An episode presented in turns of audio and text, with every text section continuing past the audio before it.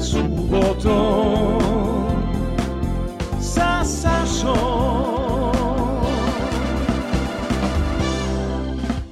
Poštovani slušaoci, poštovane slušateljke, jao, kakva mistična muzika koja podsjeća na more, podsjeća na muziku, dobro, onu ambientalnu, rock, a može i ona instrumentalna i pored mene jedan sjajan, sjajan gost, e, ima jako lepe profesije kojima se bavi, jel? A on će reći šta mu je važnije i šta mu je bitnije u životu. E, nikada do sada nismo imali matičara.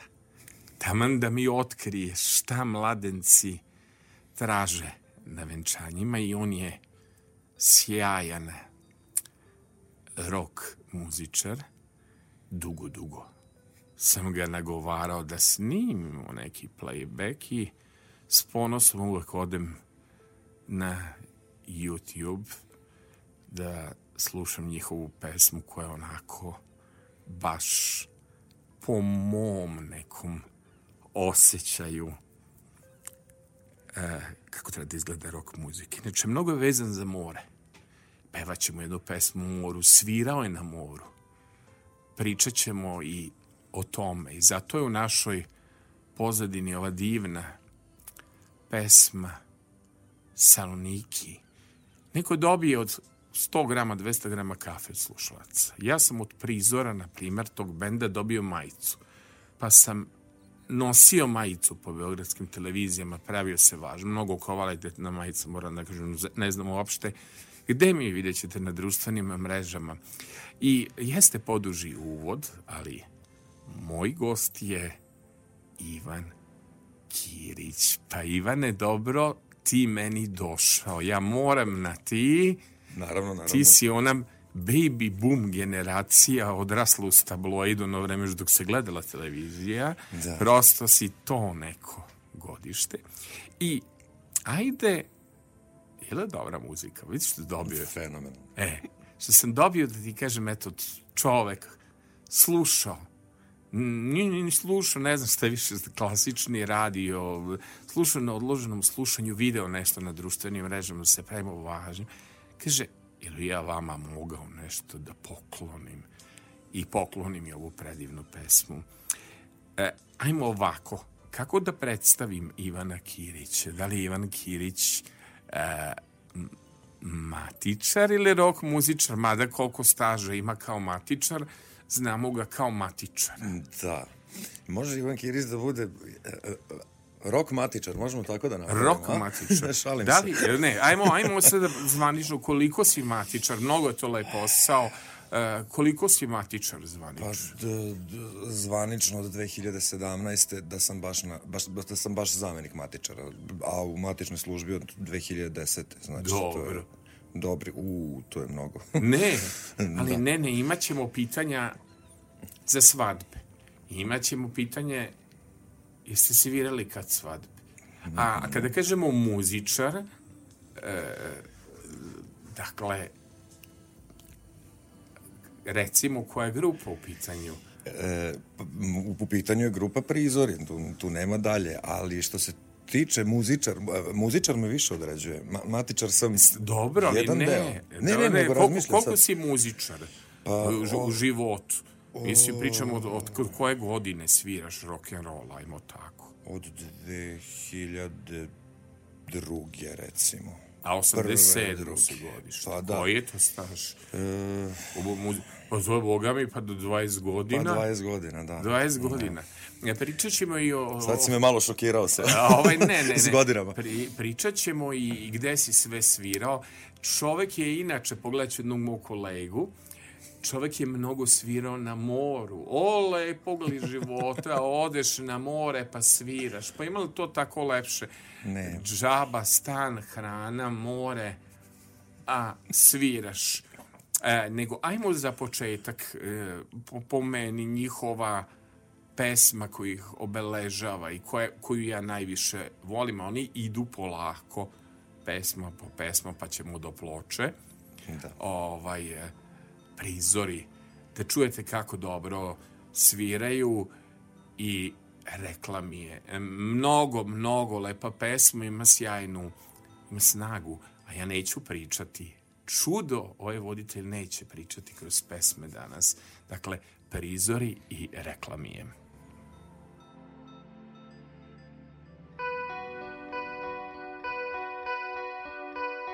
Rekla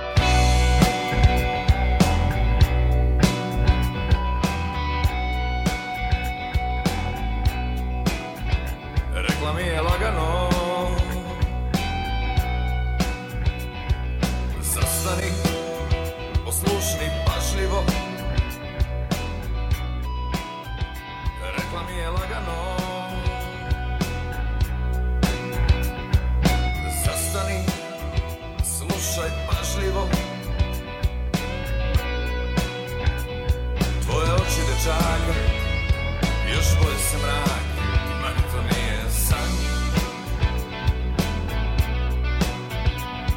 Tvoje oči dečaka Još boje se mrak Ničeg nema iza vrata. Rekla mi je lagano Zastani Slušaj pažljivo Rekla mi je lagano. Zastani, slušaj pažljivo. Čuješ zvuk moga daha Sasvim blizu tvoga vrata Ma ne to nije san. Čuješ zvuk moga daha Sasvim blizu tvoga vrata Ničeg nema iza vrata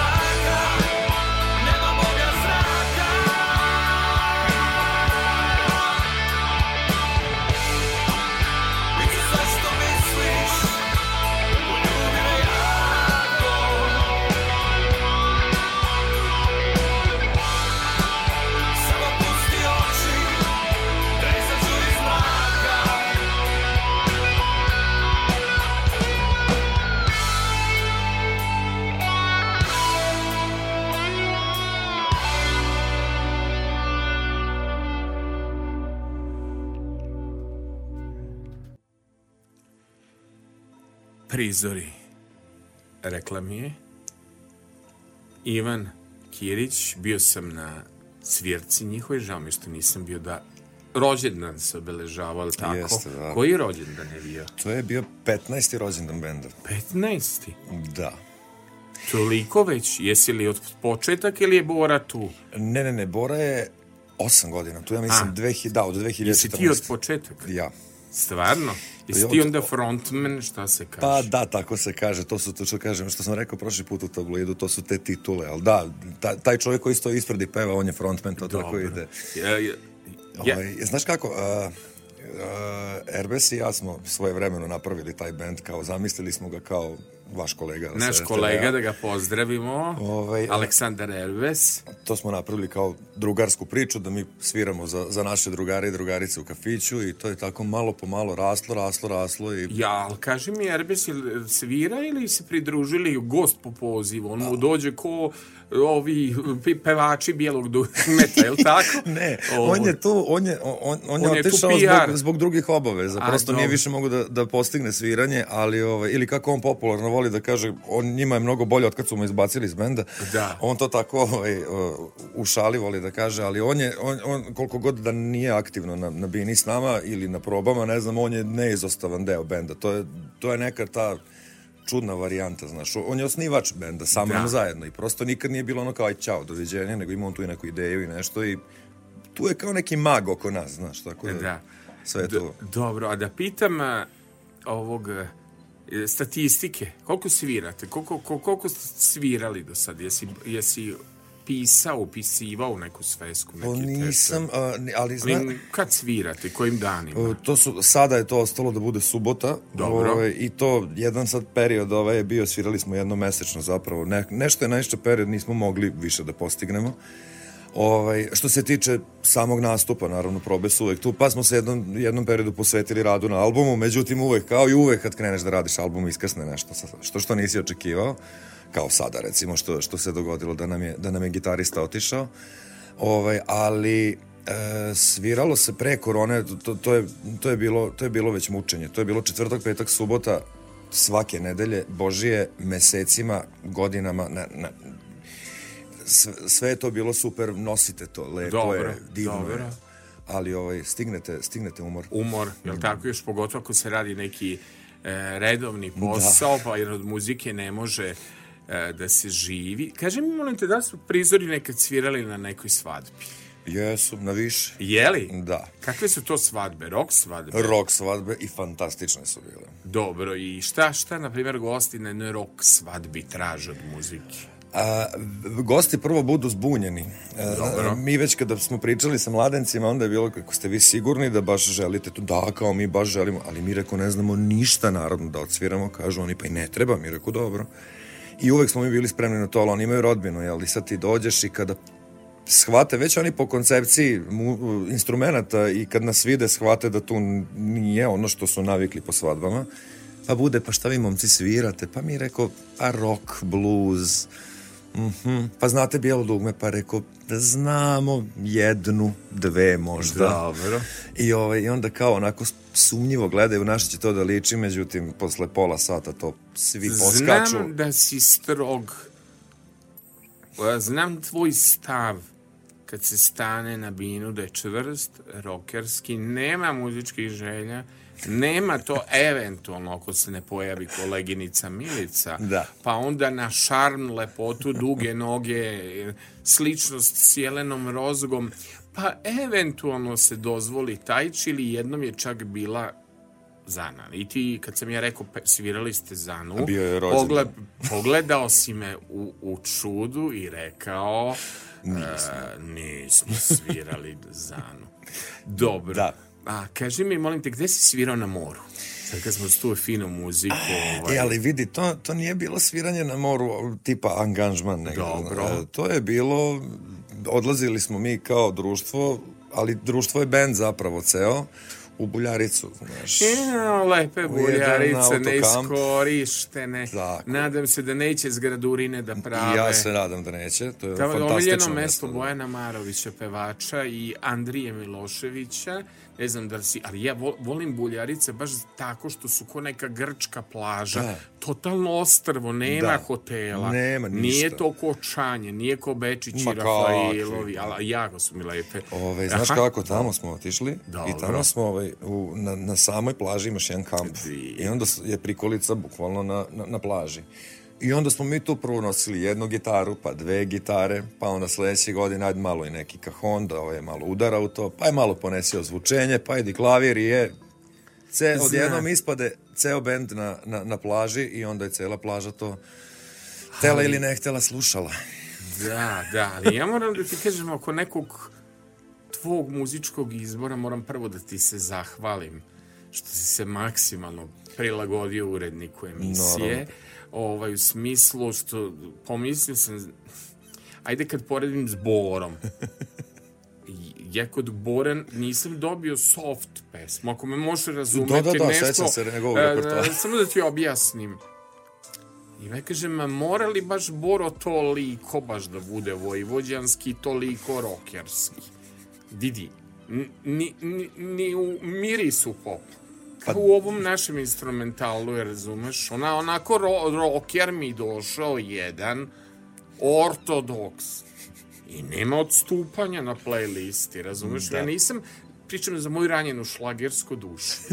Nisam našao pesme za moju dušu, na primjer u tvom izboru sam našao. Nego bih sad malo da krenemo na veselije, na primjer, pesme.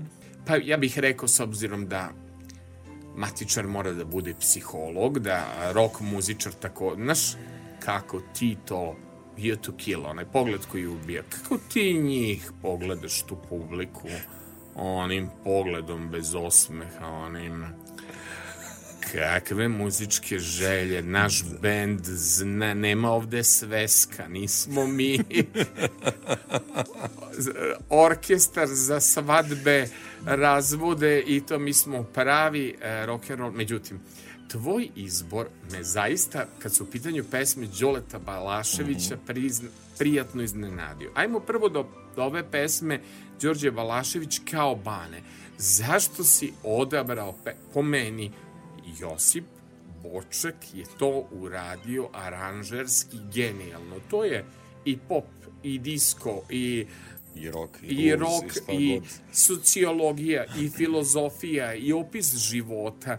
Mislio sam, kao student političkih nauke, čovjek koji piše kolumne, mislio sam da se ja jedini palim na tu pesmu, jer mi je to priča o životu.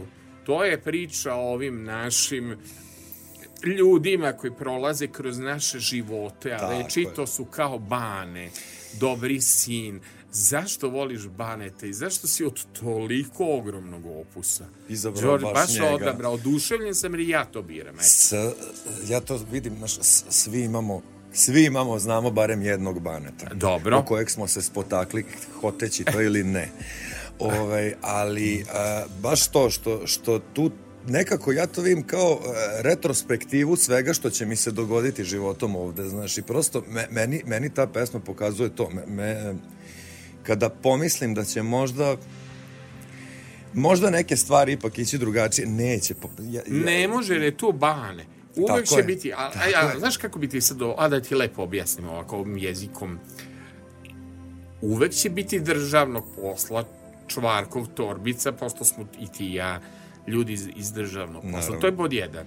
Znači uvek je to. Pa znaš, onda je ona specijalna redakcija što je radio Đole Balašević, fenomenalno s Miletom Isakovim, onaj fenomenalni je radio Berček je igrao on, onaj humoristič. Vidi, uvek će da bude Giga Moravac i Korčubić i ono jezičko kazneno odeljenje. Da. I uvek će da... E, e kako se zove onaj e, Nikola Simić što je igrao ovaj kad je bacao pare. Ima Srećko Šojić i Pantić. Pantić. Pantić. Znaš kad je Pantić uzeo ono pa je počeo da baca pare i vi pare i u nekim tim vidi, Bane je zapravo u svim tim strukturama. Jeste. Ali niko Baneta nije opisao tako. I niko nije uradio genijalni aranžman kao genijalni Josip, Josip Boček. To je lepota slušati pesmu. Jest. Jel da? ne- Mislim, ta gitara, to je meni ono što... Inače, taj period Balaševića obožavam, taj gde je gitara vodila, to je meni, to je meni fantastično. Ne umanjujem, naravno, klavir koji je došao kasnije, ali, Ali ne taj, tu izbija neka... Vidi, meni... Mo- možda i mladost buntovna, E, ne ne, znam. ne, ne, znaš, meni je s, tom, s tim aranžerskim pristupom Mhm. koji ima Boček, svaka pesma druga priča. Cirkus je na svoj način, Jest. Petao je onako imao, da ti ne pričamo o Petao Don... šlager. Pa da, Don Francisca long play ima baš dve verzije. Mislim, sve mi je lepo i lepo mi je Kristifore Crni sine i pomisli u ponoć i prosto mm, govorim o tim nekim imao je miri, miris lep tih 80. godina u kome ti je pričao tvoj tata, jel Da, da, tako? Ti tako samo je. mogao lepim 80-im da slušaš Tako je. Tako je, Nisi da. mogao da ih živiš. Nisam, nisam. Ti si generacija koja je kroz sve protutnjalo, Bukvalno. bukvalno. On, A- čak je i Balašević rekao, jadna i bedna 87. E, baš jadna i bedna 87 Ali dobro, držiš se ti dobro, pričat ćeš mi naravno. posle malo o, o svadbama, o venčanjima, jako me to interesuje kako se narod venča, nego da imamo kakav je Bane. Dakle, Đorđe Balašević, o, čuje, pa savršeno. On i recituje tu. Đorđe Balašević kao Bane, nikad kao Bane. još u školi je ručicu dizao vešto i već se znalo da postaće nešto o već se znalo da postaće neko ko Bog. Mi smo rasli u šarenom kraljevstvu igre. On je imao drugi pedigre mali Bane je bio daleko od tog. I često se pitala moja mati Oče da moj samo da mi je znati Šta će to sa tobom biti? Da li ćeš ikad biti i ti Kao bane,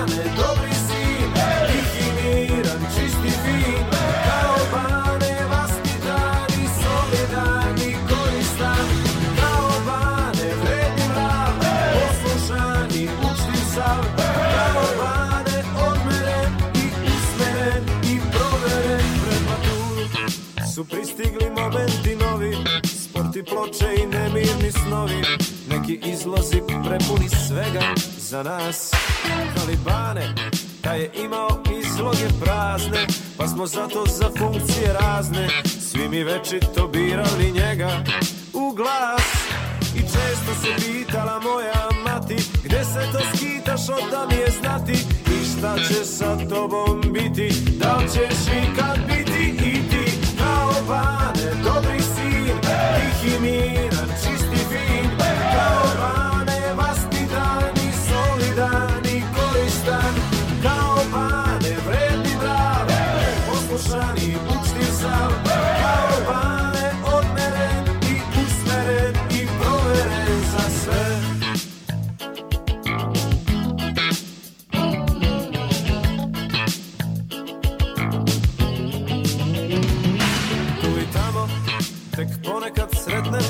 dečka Crna tašna i šofer i mečka.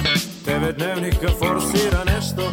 O da, bez krivice U štampu je stigao skokom Jer kad kreneš tim poznatim tokom Tad svi ručicu podižu vešto. Jen dva. I često se pitala moja mati Koga to gurao da mi je znati? Šta će sa tobom biti? Da li ćeš ikad biti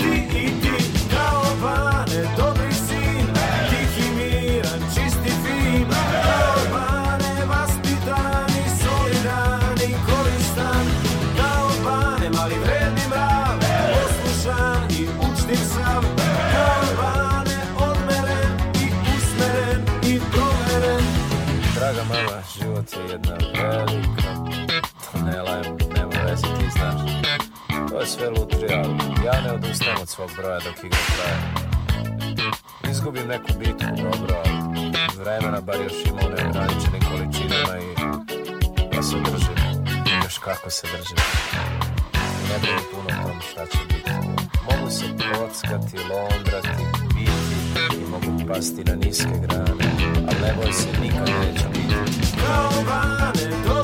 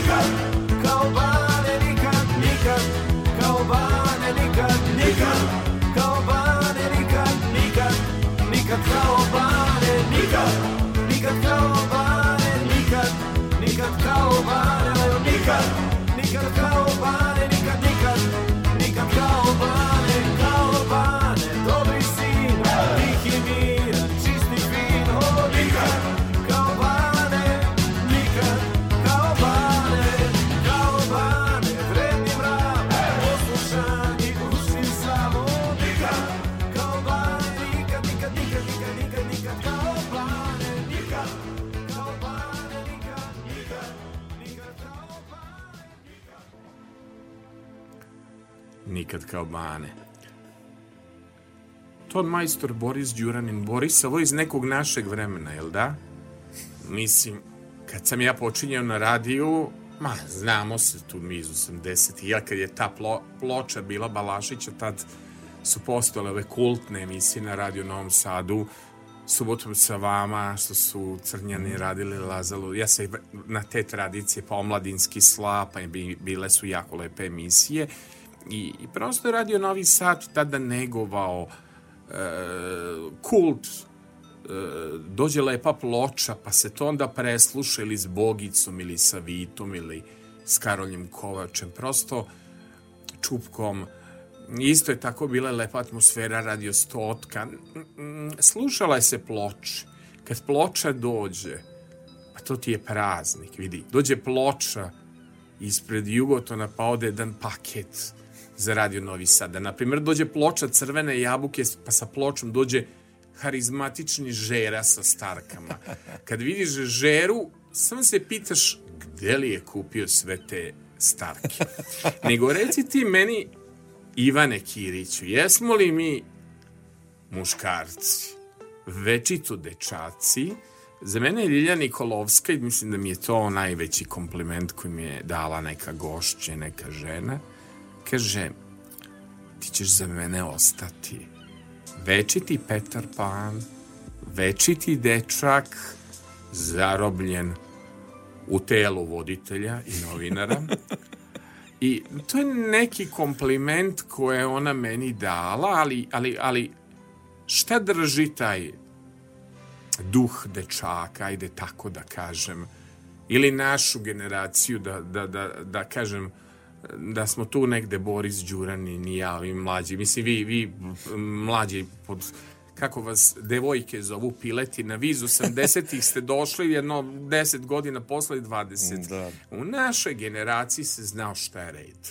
Znalo se šta je ploča, šta je preslušati ploču i znalo se znalo se da lektira mora da se pročita. Apsolutno. Nije postao internet, nego izvoli, čitaj Tom Sawyera, Tako je. čitaj knjige, ako eventualno, ako bude film na televiziji, ali nije to sad bilo internet, gledaš film, ne, nego gledaš uh, na televiziji film, čekaš Vidiš, nije se to mnogo promenilo ni kad sam ja odrastao. Jel tako veše? Pa dobro, vi ste ra rasli u, mra u mračnim 90-im, a ispostavit će se da nisu tako mračne. Hoću da kažem, da. ovaj, zašto voliš Tom Sawyera prepoznaješ se u svakoj reči? A, ne mogu da ti, da ti da budem detaljan, mogu samo da ti kažem da dok slušam tu pesmu i dok, dok pratiš stihove koji idu, tačno mogu da zamislim dva, tri klinca koje su rekla, ej, znaš one, znaš one dečačke želje?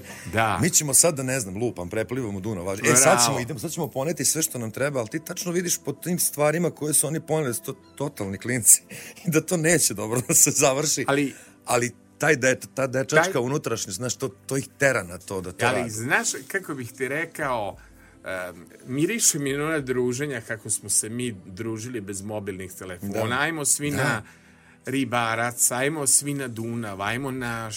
Ajmo na teren da igramo futbol. Ajmo, ajmo da se igramo, ajmo, da. nemojmo da gledamo igrice, nemojmo na YouTube, nemojmo Fortnite, nemojmo TikTokove, nemojmo... Ne, e, mi kao deca smo se družili. Prilično, da. I prijateljstvo je odrednica svega u životu. Znači, prijateljstvo je i kad radiš posao da s nekim budeš mm, kolega, prijateljstvo i kad imaš bend mm -hmm. i to je prijateljstvo, to je kolektivno. Kolektiv je kad igraš mali futbal, Absolutno. ali najlepše prijateljstvo je kada se prijateljima odeš na reku, pa odeš ne, na neki čamac, pa odeš na Dunav, pa onda shvatiš pa jeste lepo je u tim buljaricama, ali kad buljarica nema ili putuje onaj voz e, do bara toliko, da. može i na Dunavu da se... Može i na Šodroš,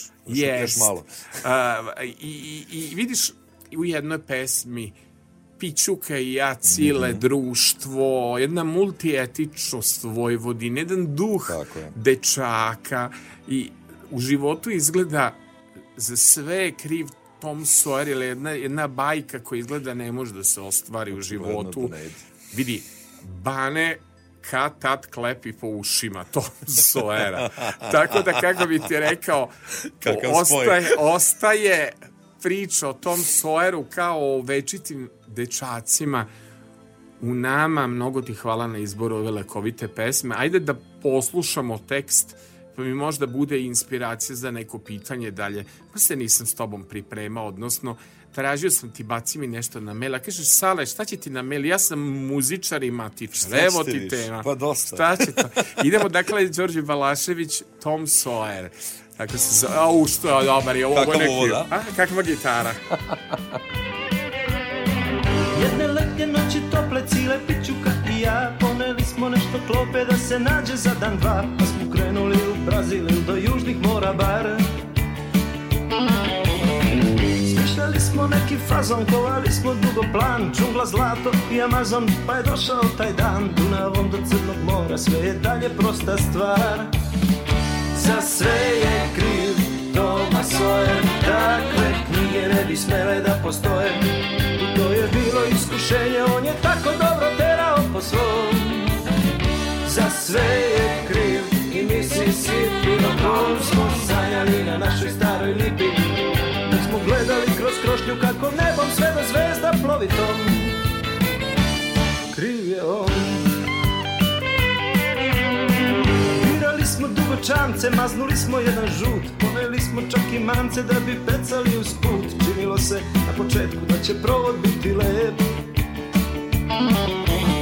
Al nestalo nam prvo hleba, mučila nas strašna glad. Onda grom iz vedra neba i oluja kiša grad. Al na sreću neki čičak kad nas primio na šlep Za sve je kriv.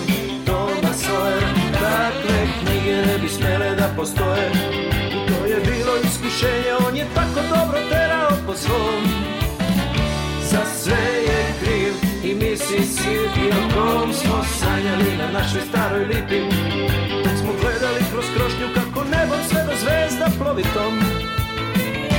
Na onom splavu svom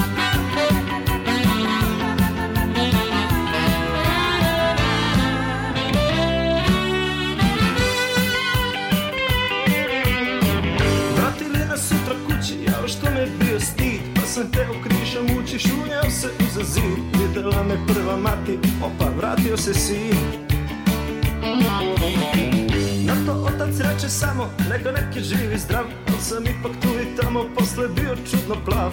Su me u školi dugo zvali Huckleberry Finn. Za sve je kriv Thomas Sawyer Takve knjige ne bi smjele da postoje. To je bilo iskušenje On je tako dobro terao po svom Mississippi O kom smo sanjali na našoj staroj lipi. Smo gledali kroz krošnju Kako nebom sve do zvezda plovi tom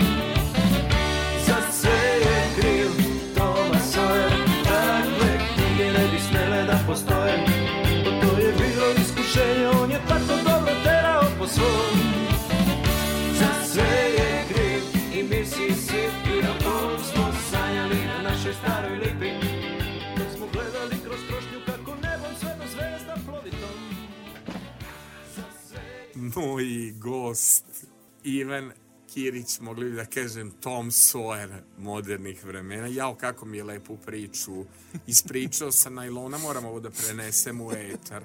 Ode čovek na najlon da kupi koju kasetu si išao da treba. K2, ali na glasi Vidi. kad je to bilo. Normalno K2 da je bilo po 90. godine komuna i uh, uh, Jungle Manija. Treća, je- četvrta, tako Jeste, nešto, da, da. Jeste. I samo su se kasete slušale, i to piratski. I šta ti se desi na kaseti? E, ništa, do, do, došao sam kući s kasetom K2 i kad sam pustio kasetu, izašao je doktor Igi iz nje napravio. Oči boje Oči duge, boje pa nisi duge. loše prošao. Da li je istinit podatak u tvojoj biografiji da si voleo grupu Ruž? O, da. Ne voleo, i dalje ih volim. Pa što ih nema na playlisti, je Sećaš li se, dobro? sećaš se da je bilo preko puta tunela Jeftinoće, bila je ona robna kuća, je se Giovanni zvala, ali tako? Jeste, nešto? bili lepi sokovi u doba Ante Markovića.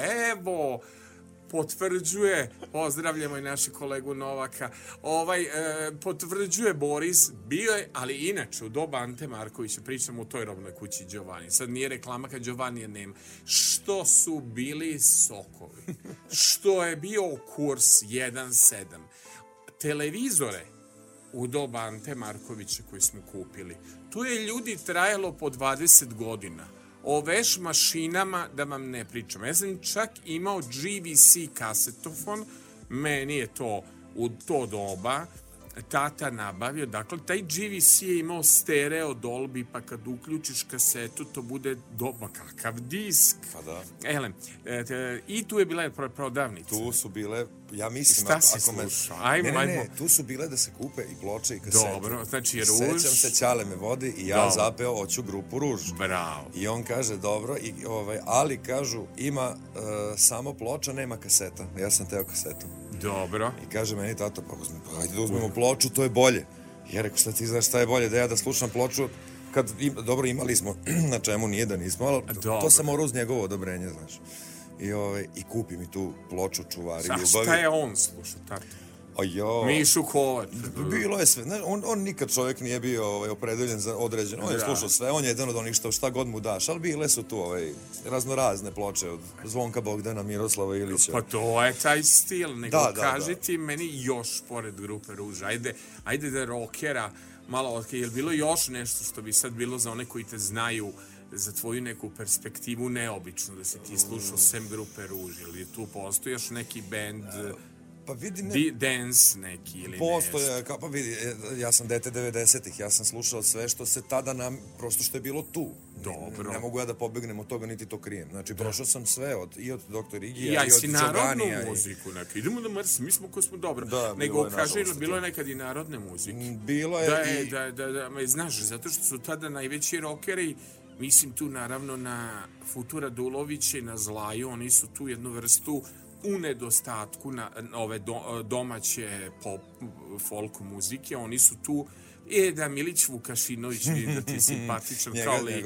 Šta bi ti od Milića pustio, ovaj, koje voliš? Doktor za rock'n'roll ili se sećaš onog spota uh, Žikino kolo. Znaš li inače u hitu meseca da je to prvi revolucionarni spot? Stvarno? Ma ne, mi nismo znali do filma ko to tamo peva i Žikino kola kako nastaju deca. I filma Poletarac. To je bio, da kažem, prva, ne ja pričamo, na, koliko smo mi čedni mučeni iz doba komunizma. Bude spot Žikino kolo i on sa snajkom u seno. I do Brene nije se znalo šta je si cile si. Znaš da se nije znalo.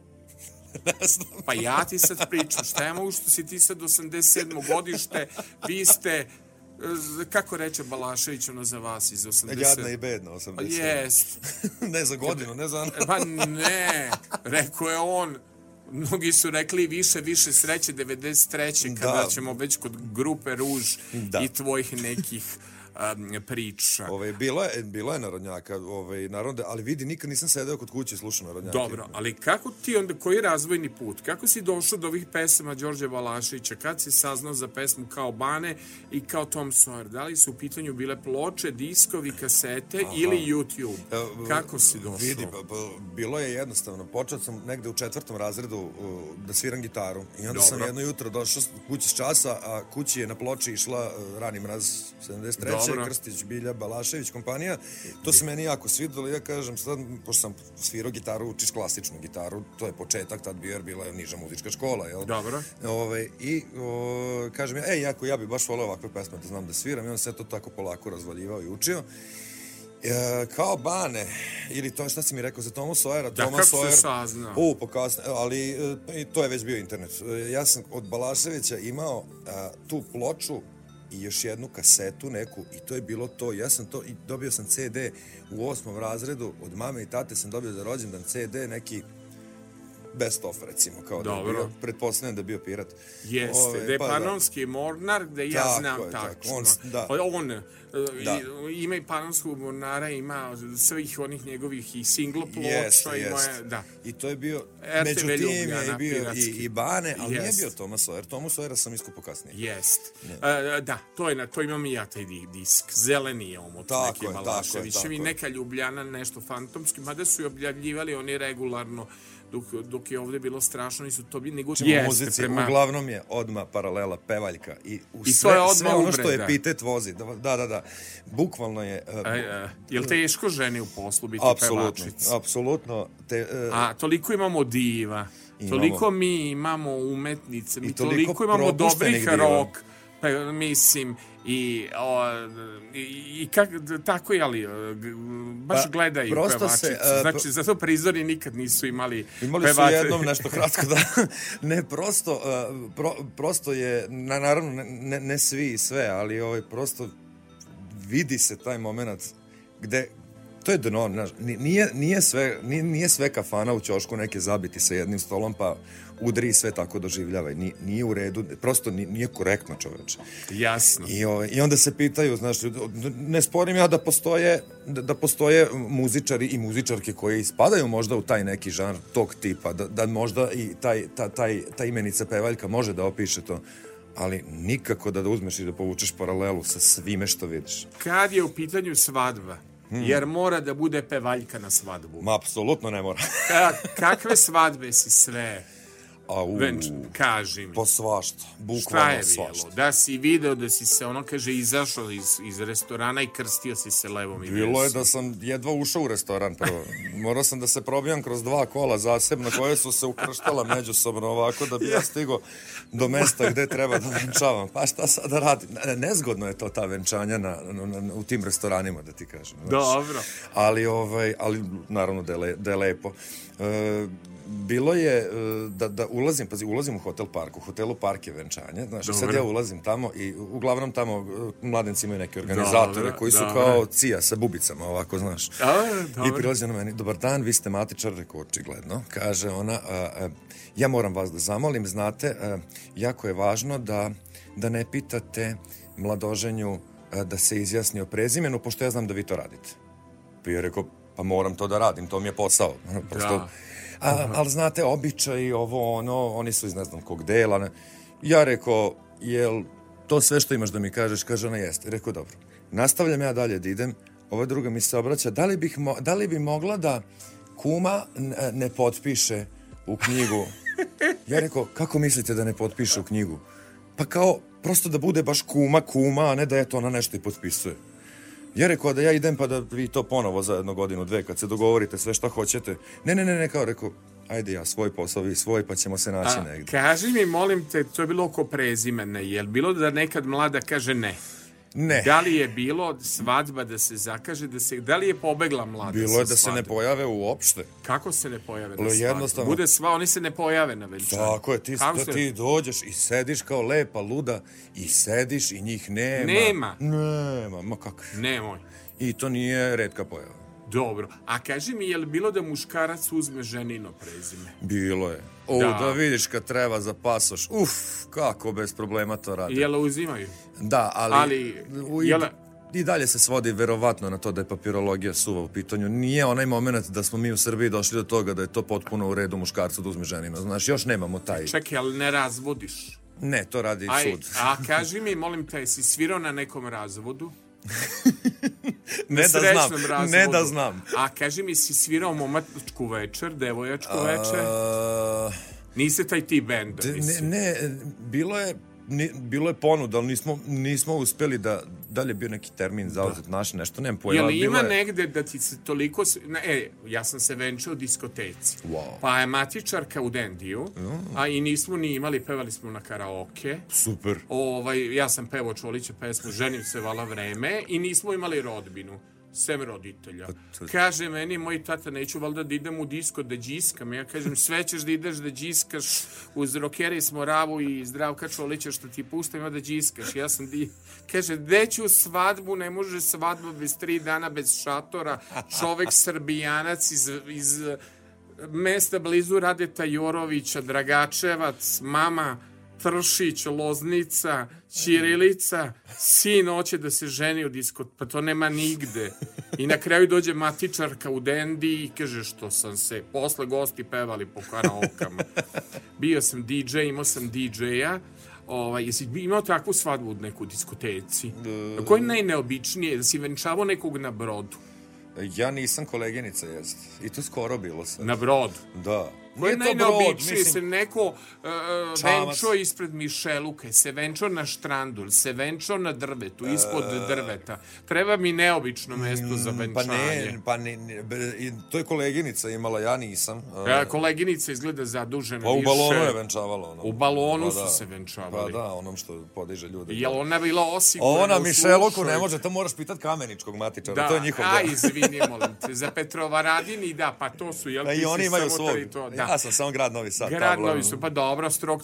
Jel bila nekad da ti se svidjela atmosfera na, na svadbi da si želeo da ostaneš, da bend bio toliko dobar da, da ti se priđuskalo? E, Jer bilo je. sme matičar da ostane. Pa, uglavnom ne može da ostane jer mora na sledeće venčanje, znaš. Dobro. Ali sad ako se baš potrefi da je poslednje, znaš, onda bi možda i moglo da se A, napravi. došli smo do kraja ovog razgovora, a lepo si mi rekao da ne treba da se pripremamo. Ti si M matičar, M muzičar, a ja novinar i da će tema biti, kako to može kod jednog blizanca, jednog strelca da bude. Koji ćemo od tvoje grupe prizori da odaberemo pesmu Nemate ili Dijamante ludi? Koja ti je draža? Nemoj sad da mi kažeš e, sve mi je draga ko svi članovi benda sve, Draža mi je nemati. koji ćemo da pustimo Pa nemate. zašto ti je draža nemate To je pesma inspirisana jednom ljubavi, Dobro, ali koja nije moja. Dobro. To je ljubav jednog mog dobrog prijatelja i moje prijateljice. Nemate, ostatak emisije ću birati neku muziku koju ti voliš. Prizori, hvala ti, nemate za kraj.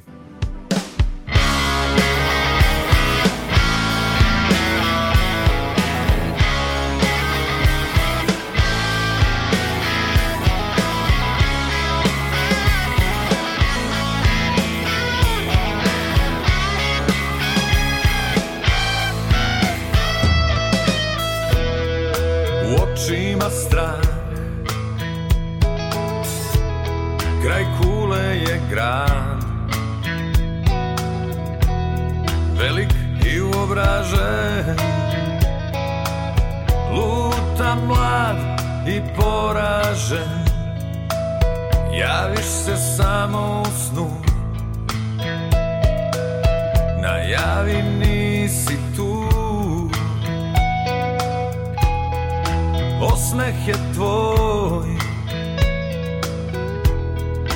Nespokoj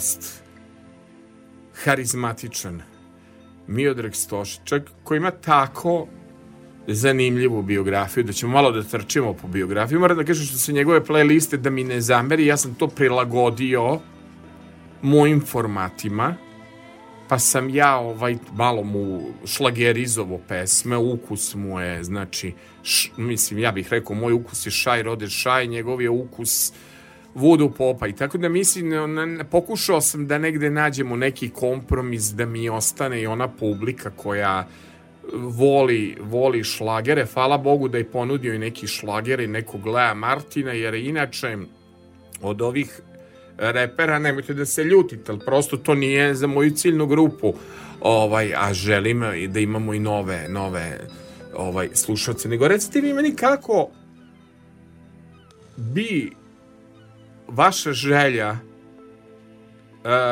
da nađete devojku koja mu nije rod, jeste našli na kraju?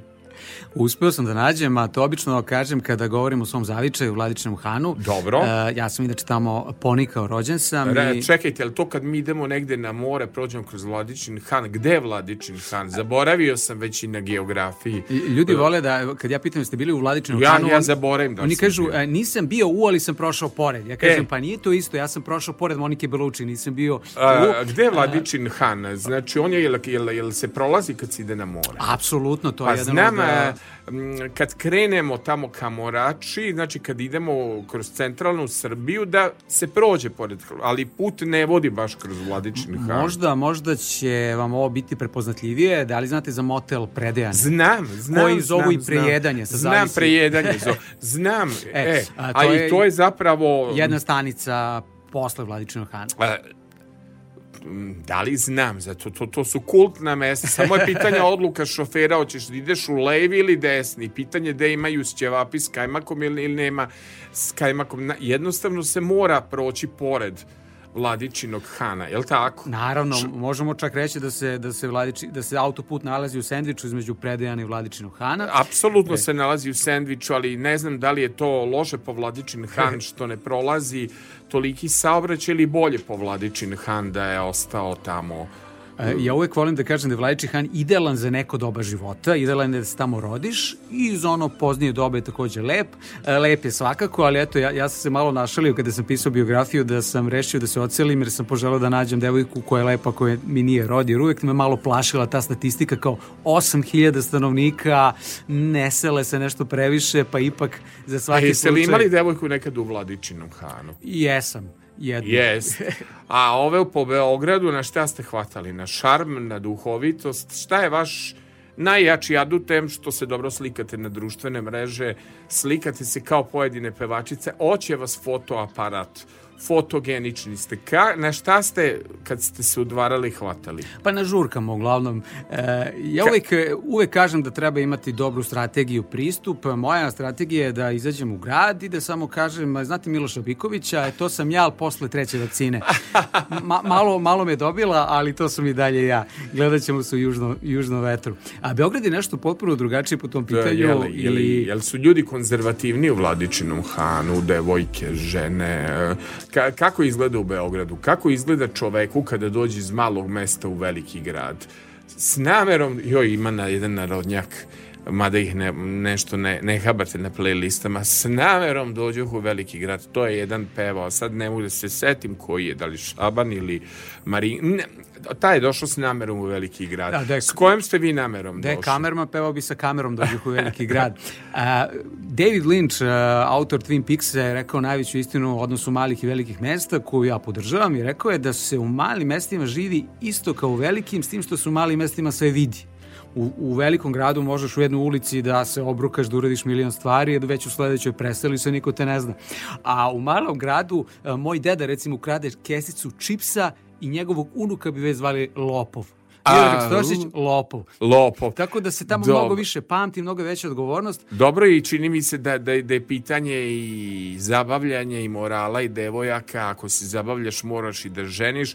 Stoga e, vrlo ću po- pokušati kroz prelepu pesmu, hvala vam što ste to izabrali jer je pesma koju ja stravično volim. Do duše, meni je uvek asocijacija kad krenem put Jadrana pa se nalazi na mom flešu i nalazi se na diskovima dok smo imali dakle diskove devojka iz moga kraja Kakva je devojka iz vašeg kraja? Kako bi opisali devojku iz Vladičinog Hana? Arsen je to prelepo opisao da kuša okus prvih poljubaca, prvih oskoruša, jako le, lep tekst. Oskoruša. E, Oskoruša. A, koliko, kakva je devojka iz vašeg kraja? Pa Kakav je poljubac devojke iz a, vašeg kraja? Ako bih morao da generalizujem, neka to bude poetski rečeno kosa kao Monika Belucci, Opa. ramena kao Kalista Folokart, grudi kao uh, Lola Novaković i nogi kao Darko Pančev. I što ste opisali, pa ovo je jedan fotorobot. Inače, to je čovek koji toliko radio zanimljivih eh, radijskih formata da misli, dakle, brzinom svetlosti. Idemo referen strofa Dejane, Jociću, detelinarcu moj, dakle, idemo na devojku iz moga kraja, Arsen Dedić, referen strofa, pa nastavljamo dalje. noć na putu kojim kreću od davnina. Naši snovi prema svijetu s Perkovića preko Knina. U očima njenim more svjetluca joj sol u kosi.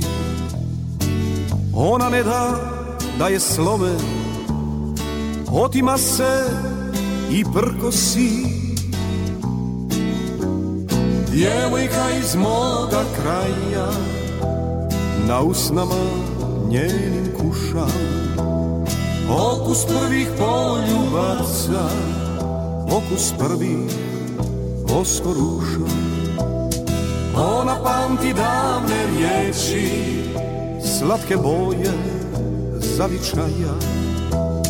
Ima želju da me liječi Djevojka iz moga kraja.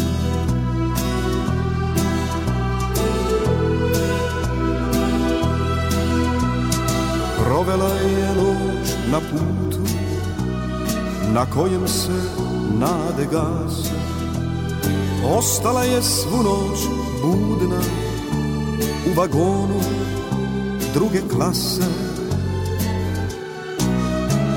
U očima njenim more Svjetluca joj sol u kosi. Ona ne da da je slome Otima se i prkosi. Djevojka iz moga kraja Na usnama njenim kuša Okus prvih poljubaca Okus prvih oskoruša ona pamti davne riječi Slatke boje zavičaja. Ima želju da me liječi Djevojka iz moga kraja. Djevojka iz moga kraja Na usnama njenim kušam Okus prvih poljubaca Okus prvih oskoruša Ona pamti davne riječi Slatke boje zavičaja. Ima želju da me liječi Djevojka. Iz moga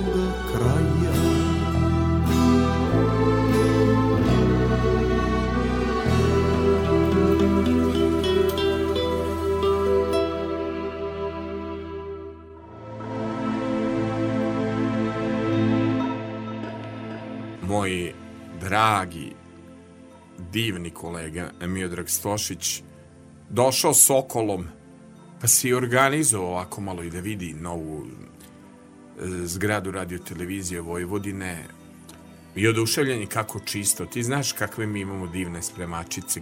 Pre svega gospođe, ja uvek kažem da mora da postoji kultura ponašanja. Volim tim damama ako s- dođe neki slatkiš i da dam po neku čokoladicu i po nešto jer, jer, jer su divne i, i kad uđu u kancelariju izvinite jel smetam ono, ona, ona postoji kultura po kojoj bi mi vojvođani trebali da budemo prepoznatljivi. I, i dok ja budem odgovarao za programe koje radim radio formate, televizijske formate uvek će biti kultura. I, i uvek će biti da lepa reč i gvozdena vrata otvara. E, moram da kažem, moj gost je mlađi od mene, evo reći ćemo, skoro 14, nego, pa da, 14 godina, ali je vršnjak mog saradnika, znači dovoljno da je odrastao uz tabloid ili bar, bar da ga gledao tabloid toliko se emitovao dugo format ja sam toliko dugo na televiziju 96. da ovaj jasno je da, da me morao videti nego bih malo e, kolega o vašem CV-u koji je divan odnosno ja jako sam redko menjao posao. Kad mi se kaže ajde radi nedeljno popodne, ja radim ili kad mi kažu dva mora radi. I dve divne godine sam proveo na jednom fascinantnom mediju koji je radio, jer danas televizija je postala inspiracija za humoriste, ali, ali ono što je na televiziji je stravično. Želim vas pitati o tim formatima koji ste radili i, i, i ka, kako čovek postaje saradnik kultnih emisija i radio stanica i koliko se radio promenio danas za radio i biraju playliste kompjuter i nema više toliko autorskih emisija. Ispričajte mi tu vašu karijeru od 2002. do 2012. godine gde ste sve radili i kako ste dolazili do posla? Da li čovek iz e, manjeg mesta ima veću tu ambiciju da kuca na 100 vrata pa onda na 10 vrata ga izbace a ovaj onda on izađe na, na 11. Ina, inače u životu i kod žena i sa gostima ne uspevaju najlepši, nego uspevaju najuporniji.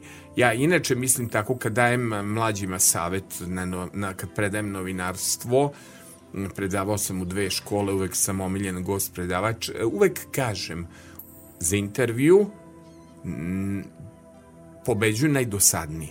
Ali ja, ja imam jedan problem, na primjer, ako meni neko dva ili tri puta kaže ne, onda je ne. A pojedinci mi kažu da ne znam da su za, za, za, za pojedine ličnosti zvali 777 puta, što je meni neverovatna dosada. Da budem dosadan, to mi se ne uklapa u moj e, CV. Hoću da pitam o vašem bogatom CV-u. Gde ste sve radili od 2002. do 2012. godine? Što, što bi se reklo, imam bogat CV i sve ostalo mi je siromašno. A, ja sam studirao političke nauke i završio 2007. godine. Međutim, Kolega. Nikada, nikada nisam video sebe kao a, klasičnog novinara. Ja imam ogromno poštovanje, kao što si govorio malo čas o tome da moramo imati poštovanje. Za mene su ljudi, kad kažeš novinari, oni koji umeju da urade sve u novinarstvu, od pisanja i čitanja vesti pa do a, reporterisanja iz ovrta i slično. E, moj prvi dodir sa radijom je bio ne kroz tu vrstu informative i profesionalizma, nego kroz emisiju Oblak u Bermudama Darka Kocijana, koja je počela da se emituje 1991. godine i to je jedna zabavna emisija radijska koja je e, okupljala ljude koji vole da pišu humoreske grafite, aforizme, šaljive pesme, gde su mogli da se čuju neke stvari koje se ne mogu čuti baš svuda i to je bilo veoma nenametljivo e, i podsjetio si me sad pričajući o radiju na jednu definiciju radija. Radio je sve prisutan, ali je nenametljiv. Radio je nevidljivi kućni prijatelj. Mora da I- bude prijatelj. To mi je jedan uh, psihoterapeut rekao, jedan kolega novinar, nije tu radio da bude samo jukebox. Radio mora da ti bude i najbolji drug. Ako si sam, ako si usamljen, ako ti treba društvo, radio mora da bude prijatelj, da se slađeš s mojom definicijom Apsolutno. kolega. A, neko je dao savršenu paralelu. Rekao je, mediji koji se gledaju, televizija, pa čak i film i, i sve ono što gledamo, to je kao kada se nekim pričaš i sediš onako preko puta njega. Dakle, lepo ti je, angažovan si, ali si tu sve vreme, fokusiran si. A radio je kao kad imaš nekog sa strane, pored ono rame uz rame i idete negde zajedno. Dakle, radio može da te prati dok putuješ vozom, dok uh, ručaš, dok vodiš ljubav, dok radiš ko zna sve šta. I možeš i da ga slušaš sad, s obzirom kako su nam i ti telefoni uznapredovali, svaka iole e, modernija aplikacija ima mogućnost slušanja radio stanica. Ja ovo što posebno volim, e, to je da nekako, bar ja to tako kažem, nemam sad više potrebu kad je televizija u pitanju ili radio, da trčim sad da bude uživo program. Ajde uživo je kad putujemo negde, pa si pri, prinuđen da slušaš. Ali mislim da ovi linkovi za odložena slušanja, da linkovi za odložena gledanja nama pomažu, bar meni koji radim TV kritiku, e, pomažu mi da budem informisana da opet ne budem taoc. Jel tako? Ima Apsolutno. link za odloženo slušanje, ima ovaj odloženo gledanje, e, prosto ponuda medija je tolika da čovek može prosto da uređuje i govorim za YouTube i postoji ove a, a, fenomenalne aplikacije, Tidal, e, onda Deezer, postoje aplikacije koje omogućuju da čuješ čovek dobru muziku, a da ne mora sad ploče i kasete. Jeste da je romantičnije vreme ploče i kasete, ali nije više vreme, ali tako? Digitalno je doba. Apsolutno. Ja sam imao uh, sreću, ti si kazao malo čas da nisam uh, mnogo uh, stari, jel? ali ja Nije. pripadam po tom nekom svom obrazovanju i vrednostnom sistemu starijim generacijama i ja sam odrastao uz, uz ljude kao što su Minimax, uh, Marko Janković, uh, pomenuti Darko Kocijan i nekako sam uspeo, imao sam privilegiju da iz godinu u godinu imam takvu vrstu angažmana na radiju uh, da radim ono što volim, iako mi to u početku nije bilo glavno zanimanje. Dakle, ja sam bio, kako bi se to reklo, jedno spadalo koje je nešto piskaralo, dolazilo, nikada tu novac nije bio u prvom planu, bio sam student, daj studentu parče hleba i, i masti i zadovoljio si ga i daj mu jedan radio ili kasetofon i onda sam se prosto tu pomaljao levo i desno sve do 2012. godine kada je na radiju u Beogradu počela zaista jedna moja poslovna faza, ako tako mogu da kažem, gde sam počeo da vodim emisiju Šta je s porno. To je jedna tako šaljeva kviz emisija na, na razne teme i onda malo pomalo sam čak uspeo da, da sebe nazovem i onim klasičnim novinarem koji, eto, omakne mu se pa pročita neke servisne informacije, Nije vesti. E, Dešava se, mada moram da priznam da to dobro. bude e, smešnije nego što bi trebalo, jer e, meni je e, jedan kolega kada smo snimali neke džinglove onako rekao posle u ofu kao kolega glas vam je lep, čist, ali imate toliko neke ironije blage, ako pa, Pa ja- sav šta- si od šta da ironije, sav si od ironije. E, zamislite naziv emisije, šta je sporno? A malo s, a ono ispada porno. Mislim, totalno, ova, onda ima tu je bila emisija i šta reče brza traka, jel tako? Apsolutno, brza traka funkcioniše i dan danas, Dobro. svakog radnog dana od 16 do 19 na 200 dvojici. To je emisija o saobraćaju Dobro. i veoma je zanimljivo da sam ja tu emisiju vodio i onda kada nisam imao vozačku dozvolu. Stvarno? Tako da je to u stvari bilo kao kad... Kako može čovek da vodi, zamislite ovo, vozi, vodi, vozi, vodi emisiju, a nije imao saobraćenu dozvolu. O, sao, jel vidite šta je To kolega? kao kad bi neko bio ministar odbrane i nije završio vojsku, otprilike ta neka paralela, Da. ali, ali ja sam zaista nekako se snalazio, mene pošalju da uradim neku reportažu sa ulici i kao nilazi auto, kakav je? Crven. Uh, kakav je još? Pa dugačak je. Koja je marka? Pa strana marka, sigurno, veli, nov je sigurno, E, jer sve je u redu u gradu, lepo je, da. I onda ja sad e, kažem u programa, eto, paducka neka kišica, e, sve je inače u redu, naravno gledam preko sajta, nisam na polju zaista, i onda se na Twitteru pojavi, to mi je poslao prijatelja, neki, neko iz Hrvatske, neki sudija ili tako, koji je bio negde u e, Šidu ili tako nešto poslovno i čovek tvituje, ne mogu da verujem, nalazim se na granici e, sa Hrvatskom, kiša pada kao iz kabla sat i po vremena, a neki baja na 202 kaže samo paducka lagani pljusak. Pa ne može da bude isto na granici sa Schengenom i da bude isto u Beogradu. Scenarista ste i kultne emisije Karavan na Radio Beogradu. To ona kultna emisija da je ona dobra narodna muzika. Niste mi ništa, karavan. ha, ha, karavan, niste mi poslali ništa od narodne muzike, sve neke repere, sve Mislio sam da imate, mislio sam da Pa imate. ne, dogovorit ćemo se mi, nego, ovaj, i da, e, i radili ste na Radio S, autor emisije, A Mali Marko zove Dobro, ljude. do- dobro. E, pri čemu mi je bilo to kao neka skrivena kamera kad sam došao, zato što kad su, kad su mi, mi predstavljali ideju, rekli su, evo ima jedna emisija Sloba zeza ljude, a vi ćete raditi Mali Marko zeza ljude. Ja gledam, e, kako se zove emisije e, Sloba, a ovo je Mali Marko, a kako se baš zove vlasnik ovog radija? Baki Anđelković. Anđelković, Ovo skrivena kamera. Jel ovo, Ja. kao izađite sad, izađite. Rekli su, ne, ne, ne, to je sasvim slučajno. I zaista radili smo četiri godine emisiju Mali Marko zove ljude i najveći trik u vezi te emisije bio je što 90% ljudi nije verovalo da Mali Marko postoji. Za one koji nisu slušali, uh, radi se o emisiji, to se zove na zapadu prank call, dakle kao Dobro. neka skrivena, ra- uh, skrivena telefonska kamera, ako tako mogu da kažem. Dakle, sad recimo ti ja napišemo scenariju, zovemo Gvožđeru da tražimo trofej za Novaka Đokovića e, od Lima, recimo, ili Dobro. tako nešto, kao dobar. I sad mali Marko zove, dobar dan, imam 9 godina, je li to Gvožđara? Jeste. I sad obavi razgovor i sad svi su mislili da je, e, da je to gluma, a bili su i ovi koji su mislili da mali Marko ne postoji, da je to kompjuterski promenjen glas. U stvari, mali Marko je Marko Daraboš iz Sremčice, prelep momak, ima sad 19. godinu. Kako si inače kod Anđelkovića mogao da spominješ slobu Mira i Mil, Miru ima, i sav ti je duh tako aforistički. Znači, ti si jednostavno programiran kao ličnost, iako si devica u horoskopu, koliko sam pogledao. Podznak rak. Podznak rak.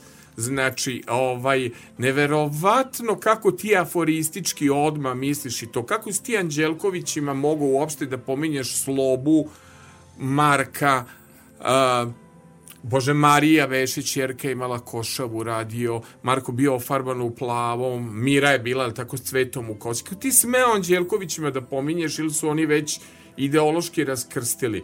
A inače super su ljudi, moderni, ovaj sarađivao sam jedno doba i Natalija kad, kad je ovaj radila Radio S eh, je i Voju Nedeljkovića angažovao i lep je bio festival u Vrnjačkoj, ba nema ništa protiv, nego kako smeo da se šališ, a da se ljuti ne, ljudi, da se Baki ne naljuti i ostala ekipa.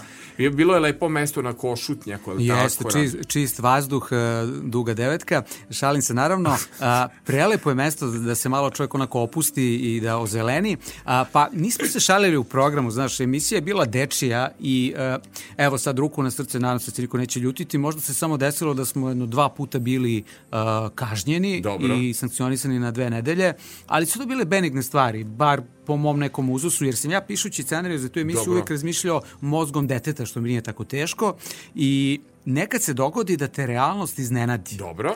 E, mi smo radili jednu, snimili smo čak i emitovana je ta jedna epizodica zbog koje je kasnije bilo e, sankcija dve nedelje.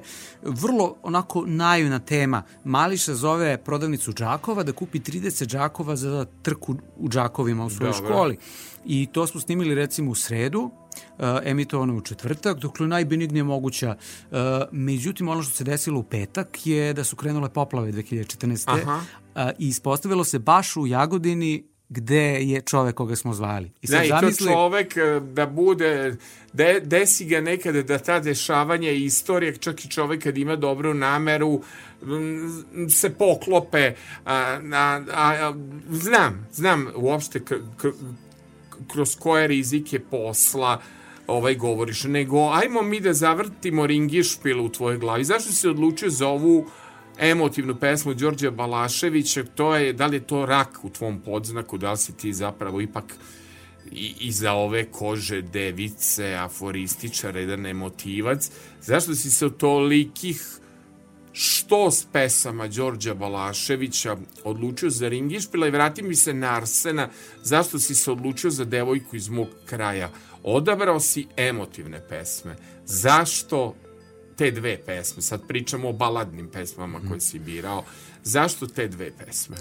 Ja stvarno mislim da smo svi da smo svi mi u stvari onako dva lica jednog novčića i da ta neka humoristička strana ne mora da bude suprostavljena ovoj drugoj i Balašević i Dedić su dokaz. I jedan i drugi su imali i jednu kao Bog Janus onako jednu jako duhovitu stranu i jednu jako emotivnu. Kod Arsene to malo uh, manje poznato, ali ja preporučujem slušalcima da čuju pesme kao što su recimo Ministarstvo straha, između nas rat je stao, svete krave i ostale. I Arsen Dedić je nešto što, zašto se kaže bar u Beogradu, da dolazi sa godinama, znaš. Kad sam bio mlađi, nekako mi nije baš, znao sam... Ni ne, meni nije, nije lego. Međutim, uh, to su te stvari koje dolaze sa godinama što si stariji, dakle Arsen Dedić, uh, uh, letovanja vozom, pihtije i ostalo. Dakle, nešto što zavoliš sa godinama i sad mi je on među omiljenima. A što se tiče Đoleta, u, u, u nizu tih što s pesama, Ringišpil je, čini mi se, jedna od onih uh, koja pokazuje nešto što sam ja kod njega najviše voleo, a to je, kako to da kažem, ukratko, kad čovjek dođe na scenu, uglavnom nastupa sa scene ka publici. I napraviš pesmu, ona onako treba da bude uzbudljiva, euforična. On je imao neke pesme koje su onako otpevane kao da ih peva čovjek kome trenutno baš nije mnogo do pevanja. I sama ta pesma Ringispil počinje u nekom kišnom jutru kad se sve natopljeno ravno kod tepsija. I on nekako možeš da budeš rame u rame sa njim dok to pevaš i dok on to peva, nekako ne terate da se osjećaš super. Odmah, nego te dovodi do toga polako. I mislim da je ta neposrednost bila ključ njegovog uspeha i ova pesma nekako uh, je kapsula svega onoga što sam ja najviše tu volao. Ringišpil Dejane, uh, znači daj zavrti taj Ringišpil Đorđe Balašević u mojoj glavi.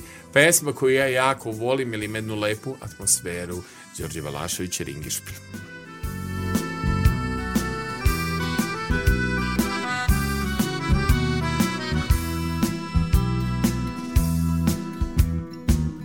Curi od jutros od četiri pet Rešilo nebo da potopi svet. Nad gradom danima vise iste kulise. Poliva kiša, al to joj je zanat Ma sve mi je ravno, ko severni banat Manje više. I sa kišom i bez kiša Vreme se vuče kod teretni voz. Gde li večeras da pomolim nos? Klasika, konobar, un kafe, macchiato Pa da. Prolazi vreme, al tomu je manir I sve je to plitko ko plekani tanjir. I zeš sliku Nigde jedra na vidiku Odaj okreni Taj ring je špil u mojoj glavi. To ne zna niko, samo ti. Bez tebe drveni konjići Tužno stoje. Dođi Iz plave boce se pojavi Bar jednu želju ispuni I dodaj svetu malo čudo moje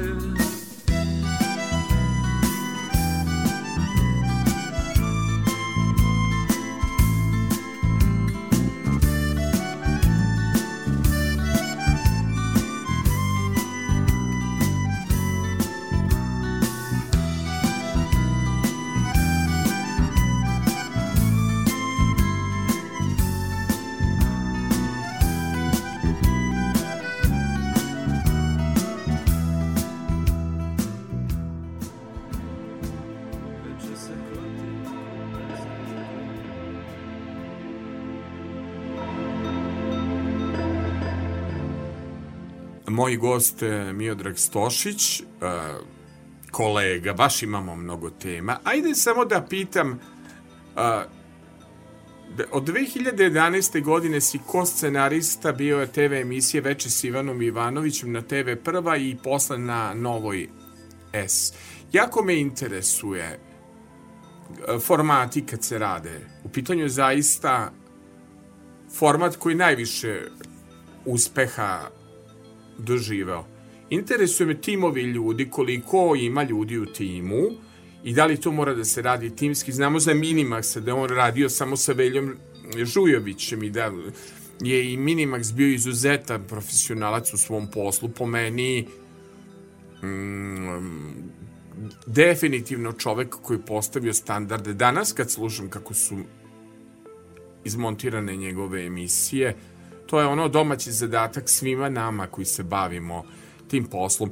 Mm, kako je izgledala saradnja e, na tom projektu koji je izuzet, izuzetno posebno u tom nekom periodu kad se emitovo na, na TV prva i imao, imao takve ekskluzive i Đorđe Balašević je bio i mislim da, da ne pobrojam sve ljude koji su to bili mm, kako je bilo e, biti scenarista koliko vas je bilo u timu i da li scenarista piše i humorističke e, stvari ili pomaže autoru emisiji. Nikada nisam radio scenaristima. Kako bih rekao, uvek sam van men show, uvek i muzički, uvek i sam zovem goste, uvek sam dogovaram, pišem košuljice za soko i tako sam, te nisam navikao na nešto što si ti radio, pa me samo interesuje taj timski rad. Kako to izgleda kad radiš u timu?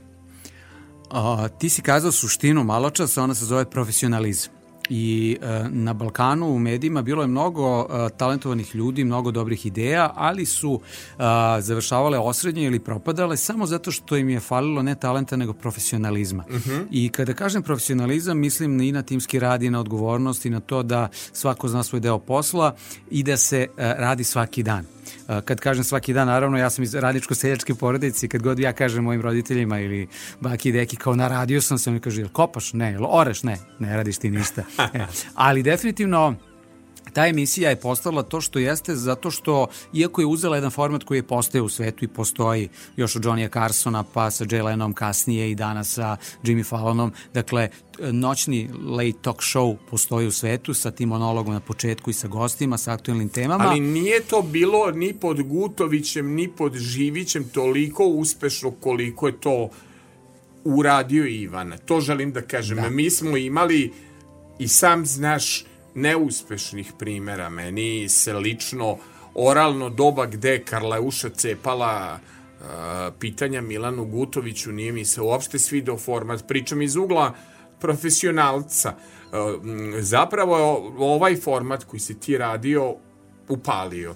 Pa me samo interesuo koji je tvoj posao bio, šta, šta, šta označava posao scenariste?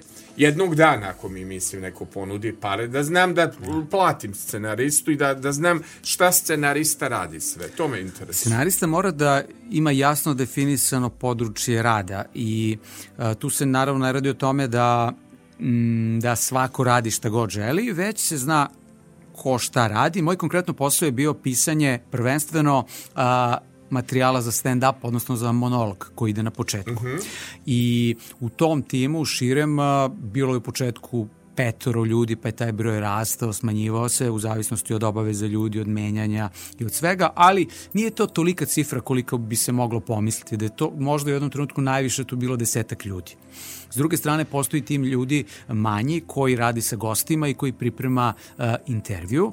A uh, ima i to? To je nešto drugo. Uh, Dobro. Tre, treći deo je uh, muzički deo, odnosno band i sve što ima veze sa tim. I to ima ko priprema. Da, i naravno postoji produkcijski... Ali kaži ti sad mene onda, pa je to nenormalno? Znači ja ti pričam sad za moj format, s obzirom da sam radio i zabavne nedelje s četiri voditeljke da sam radio tabloid 1100 izdanja, da sam, evo, evo, subota sa Sašom, sto izdanja, čuvar noći, sve radim sam. Jel sam ja sad neki uh, apsolutista, ne mogu da radim timski, tako situacija nametnula? Da li je bolje raditi, pošto si ti autor emisije, da li je bolje da autor ipak radi sve sam, ajmo sad pričamo za radio, a um, kada je televizija u pitanju, da li je bolji timski rad? Kako, kako medije uh, definišeš? Ja mislim da sam format e, i konkretna emisija određuju način rada na njoj. Konkretno več s Ivanom Ivanovićem zahteva veću količinu ljudi u timu zato što je a, najveći deo materijala takav da nije, se ne bazira na razgovoru sa gostima, već na prethodnoj pripremi. Dakle, tu gde su gosti sami, to bi voditelj mogao da radi bez ikakve pripreme i tu je dovoljna snaga njegovog e, novinarskog nosa, šarma da, i svega. Međutim, ako imaš emisiju gde se recimo 70% materijala priprema ranije, tu čovek teoretski može sam da radi, ali verujem da ako to radiš svake nedelje, da bi se videla ta odstupanja u kvalitetu. Ivan Ivanović nikada nije imao tu vrstu egoizma da bi probao sve sam da radi. Jasne. Verovatno bi to bilo dobro donekle, pa bi bilo oscilacija. On je uvek voleo da se okruži ljudima koji mogu svako koliko može i ume da da svoj doprinos i nikad se tu nije prebrojavalo ko je koliko šta uradio, šta je, čiji je pročitan u kojoj meri. Uvek je bila ideja da svakoga dana svi rade svoj deo posla i da se napravi jedan uh, konačni proizvod koji je bio tako uh, timski samo zato što su bile takve rubrike. Znaš, kada recimo on radi samo sa gostima, što je radio u nekim drugim emisijama, tu nije imao takav tim toliki, tu je možda imao jednog saradnika ili da, dvojicu. Jasno. Ali ako imaš uh, stand-up uh, koji treba da pokrije celu prošlu nedelju, onda je korisnije imati ono više glava i duhovitije nego, nego jedna, jel? Yes. Što bi rekli u Ćele Kuli. Razumeš, ja, ja sam neki, neka estetika, ti si druga, ovaj, ako imaš deset estetika gledanja na isto, onda iz da. svega toga možeš da dobiješ više uglova. Ako imaš jednog genijalca, koji je genijalac, ali je jedan, onda će to uvek biti jedan ugao gledanja. To je bio i Dejan Pataković, ili tako? Jest. Te bio i od, Bulić, koji Jest. je sad e, čini mi se otišao na, na, na K1, a mislim prosto, pošto sam bio gost u nekim formatima i uvek su me urednici zvali ovaj, za te neke formate. Prosto, eto, to je interesovala tehnologija, teo sam i nešto profesionalno da te pitam. E, sada, jedna pesma za nas dvojicu, Laura i Leo Martin, e, ima vremena za ljubav, ima dve verzije, ali deki ja predlažem da idemo ovu moderniju malo, da skrečuje, dakle, um, uh, grupa ima vremena za ljubav, jedna fantastična pesma mog uh, divnog gosta, nažalost nije više sa nama, Vojkan Borisavljević, ima vremena za ljubav. Ljudi, ovo kao da pe, oh, ovo kao da peva Tom Jones, mada je on srpski Tom Jones, Miša Jović iz Kuršumlije i Leo Martin i kaže, oh yeah, ima vremena za ljubav, ima vremena za nas.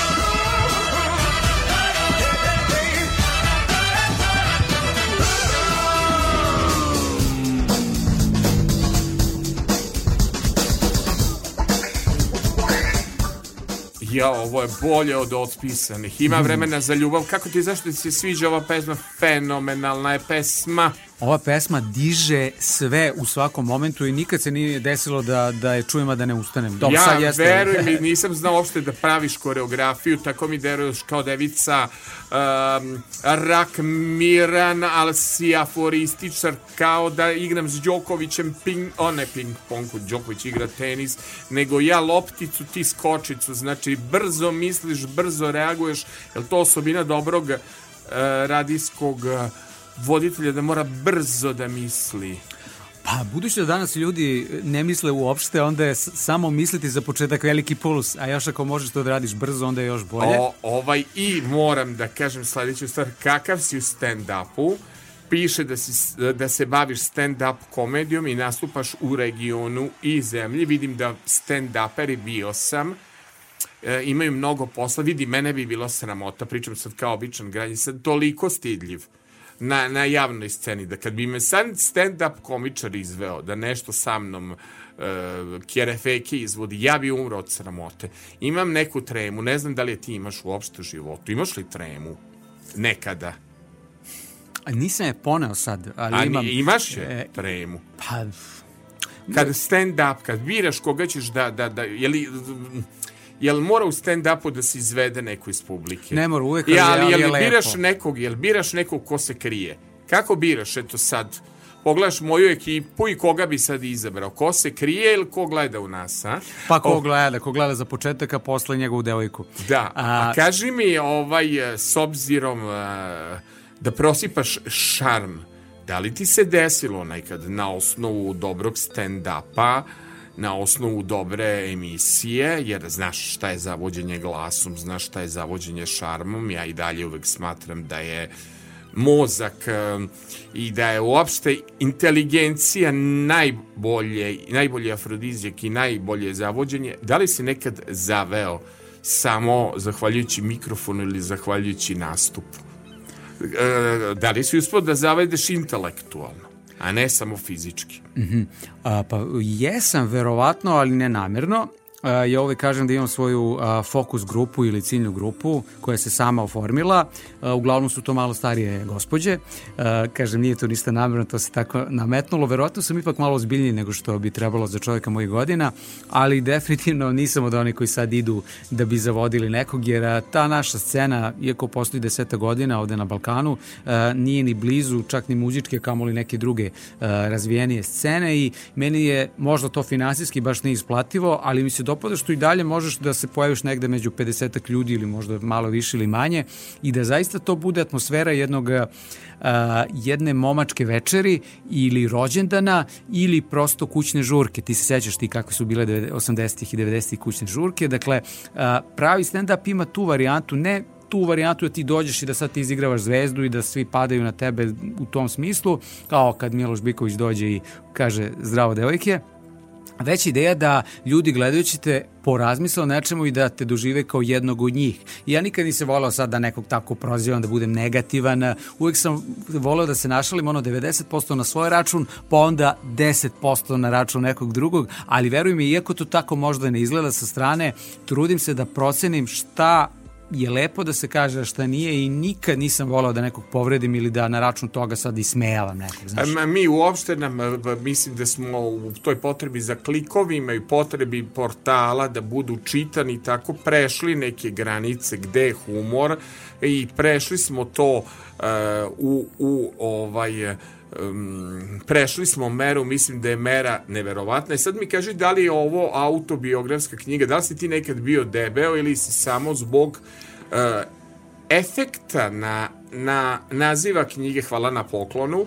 Vidjet ćete na društvenim mrežama lepo, me, lepo mi stoje ove knjige kako sam smršao 60 kila bez tašte i heroina ja nisam nutricionista nisam Schwarzenegger ne koristim teške droge ne posjedujem Aladinovu lapu i definitivno nisam bio na liposukciji pa ipak uspeo sam da smršam 60 kg ako sam ja takav to mogao, onda možeš i ti. Kakva najava za knjigu? Kako je smršao čovek 60 kila? To će biti i radni naslov, inače udica, samo da ti kažem. Moram da dam udicu na najavi emisije. Kako Kad budem, 60 kad kila? budem, kako si smršao? A, smršao sam a, veoma lako. A, Ne, jel si zaista bio buco? Jesam, pa to se može naći na internetu. Stvarno si bio- samo- 135 mi je rekord. A na koju visinu? Hteli u Jagodini da mi dižu spomenik za život. Da, ti kaži mi, molim te, ti si vi, evo, evo, mogu, um, prednost našeg ovaj programa je multimedijalnost, dok eh, slušaju mogu i da gledaju našu sliku. Viši si od mene. Koliko si dogurao? Imao sam 2016. godine 135. Jesi čitao mene u te godine u Blicu, kad sam sklonio staniju i Soraju sa Blica? Ja sam svršao 20 kila, iz, svi su čitali u autobusu do Vladičinog Hana, srednju stranu Blica. Znaš da sam skinuo staniju i Soraju s duplerice? Svršao sam 20 kila, evo, uguglaj. Aleksandar Filipov, ne tada. Sad sam imam Sad sam namerno sam medu stavio. Sad imam 120. Ovaj, znaš li da sam ja sk- skinuo sa 124 na 98? E, Trubač Dejan Petrović mi je bio inspiracija. Znaš koliko sam skinuo u Vrnjačkoj banji na detoks programu kad sam živeo normalno? Yoga, nutricionista, fizioterapeut, trener. 7,5 kilograma za 7 dana. Eto, toliko imamo toksina i otrova gde, gde punimo mi emotivci sve rupe. Znaš koji sam posvetu dobio? Smem da pročitam. Može. Raši Popovu generaciji generacije Zeg. Šta mu dođe Zeg? Pa to su, ja mislim, ovi rođeni 2010 Jesu ili tako baš nešto. Zeg. Zet. Zet. A što si napisao Zeg? Ili sam ja napisao? E, to je D, Ćirilica. A Čirilica? Dobro, drago, aha. A Čirilica. Raši Popovu generacije Z. Dr Dragom Aleksandru Filipoviću. Od Miodraga stojiš ti Čirilica, bre, kodosite i pišeš. I dalje. Drži se Ćirilice ko Milomir Marić. Jeste, drži se Čirilica. Jao, kako si aforističan. Jednom romantičaru od drugog, Aleksandru od Miodraga. Jao što sam dobio lepe, pa sam li romantičan? Tebi koji si glavni grad moje emotivne geografije i čije suze iskompromituju kišu. Jao ljudi što je ovaj čovek emotivan. Pa O tome, smo, o tome smo pričali, ove dve knjige kad ih ovako staviš dodir leđa u leđa su ti te dve, dva, dve stranice istog novčića, ova jedna duhovita, ova druga romantična, tako da imaš uh, da pokloniš kome god želiš. Ne želim da drugu. poklanjam, imam podsvest. Ja ne imam, šta mi donesu ljudi, kod mene ti ne postoji e, ono što bi rekli ide od ruke do ruke. Kad ja dobijem sa posvetom, to stoji u mojoj biblioteci kao draga uspomena i želim da imam, pogotovo s tako lepim posvetama. Ellen. Sam, samo da zaboravio sam da kažem, kada Kaži. si sad pominjao mršavljenje, a, ja zbog korone nisam mogao da promovišem ovu knjigu, bili smo Dobro. zatvoreni i onda se otvara zemlja, sve kreću promocije i taman sam malo počeo da radim promocije, da idem po medijima, pojavljuje se Bojana Stamenov, koja je I? smršala 80 kilograma. Pa I, I došlo mi da idem da gađam zoljom, kao taman moji 60 su bili ono vest, odjednom su ništa kao Ja 80. hoću da ti kažem, kad sam ja s 20 dobio blic, posle ću da ti pokažem na telefonu da vidiš kako sam dobio naslovnu čoveče, dobio duplericu. Bio sam fenomen, ali mi je problem. Znaš šta bih ti ja rekao, šta je suština jela i svega? Mi emotivne rupe moramo puniti jelom, ajvarom, slatkišima i tim stvarima. E, teško je vreme. Sirevima. Jao, ako si hedonista, ne možeš da živiš ko pet zvezdica. Dakle, moja omiljena pesma. Da li znaš u jednom tabloidu, bacit ću ti insert s YouTube-a, da je prljavi inspektor Blažo meni stavio scenografiju na glavu. To je bio šok. Onda se prevrnuo, da, da, Kris, prevrnuo se sa stolice. Onda je zalepio žvaku. Onda je počeo da juri po studiju da peva čihu, čihu, čihu, huivin voz.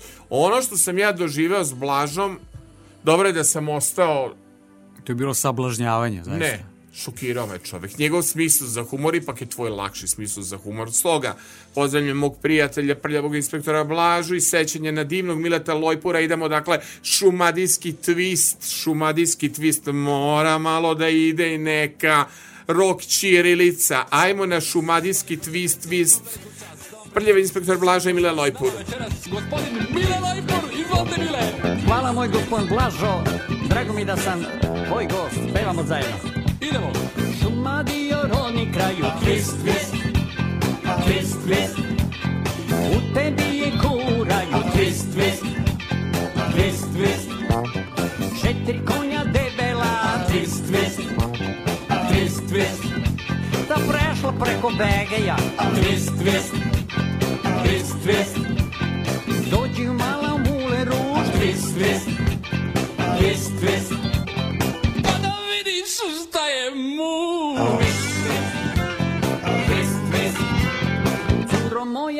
lezi pored jarka. Twist, twist Twist, twist. Da pravimo kraljevića Marka. Twist, twist Twist, twist. Ako nećeš ti pošalji priju. Twist, twist Twist, twist. Da pravimo musu keseđiju. Twist, twist Twist, twist. Mala moja Helanke ti svuci. Twist, twist Twist, twist Evo idem, nosim ga u ruci. Twist, twist. Twist, twist. Nosi blaža tebi malog zeca. Twist, twist. Twist, twist. Ti ga pusti devetog meseca. Twist, twist. Twist, twist. Slatica mi u krompire stigla. Twist, twist. Twist, twist je prašim, ona noge digla. Twist, twist. Twist, twist. Mala moja frižideru stari. Twist, twist. Twist, twist. U tebi se moje meso kvari. Twist, twist. Curo moja, uteram ti moga. I ja. Twist, twist. U dvorište konja debeloga. Twist, twist Twist,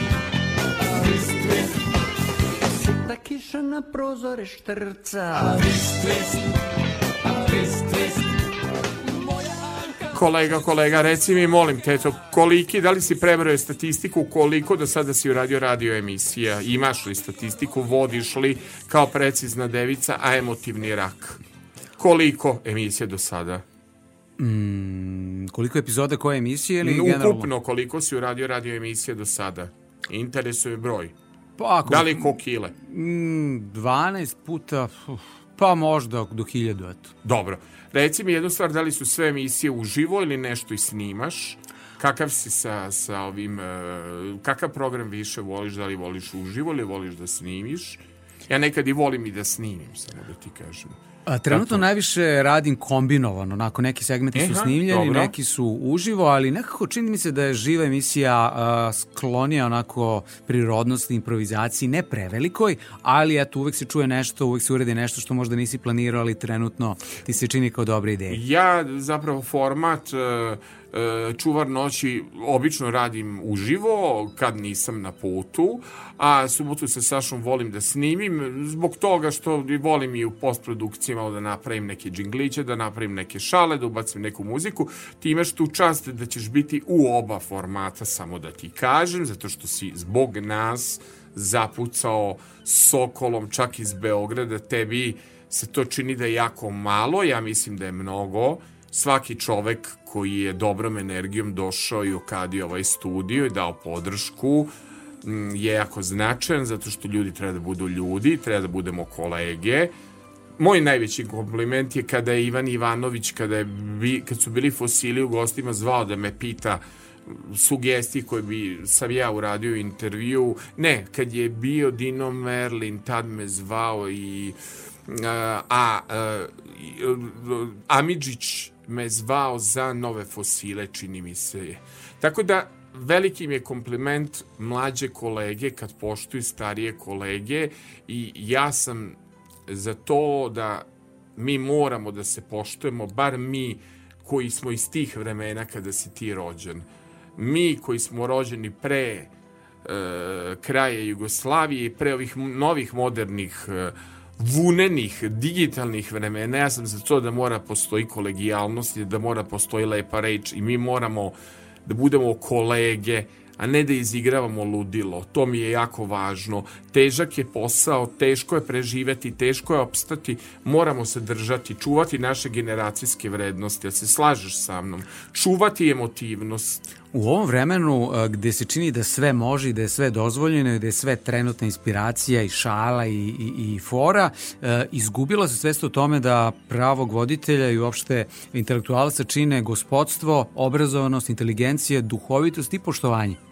I meni je o- ovo što sam napisao posjeti da, da sam te zamišljao kao Rašu Popova nove generacije, ja sam stvarno, ja verujem da kad budu prošle neke decenije, da ćeš ti da nastaviš tu lozu tih a, velikih ljudi sa malih i velikih ekrana i, i iz radija, koji su zaista bili ljudi, a opet su nam bili prijatelji, iako ih možda nismo nikada ni sreli. Ja moram sledeću stvar da ti kažem šta, šta sam naučio za ove dve godine eto rada na, na a, radio Novom Sadu. Pre svega da je to radio koji se gleda, onda radio koji se neverovatno proširio na društvenim mrežama. Danas ljudi nisu robovi ni radija ni televizije, svako gleda odloženo i kad mu odgovara, ali šta imam iza sebe?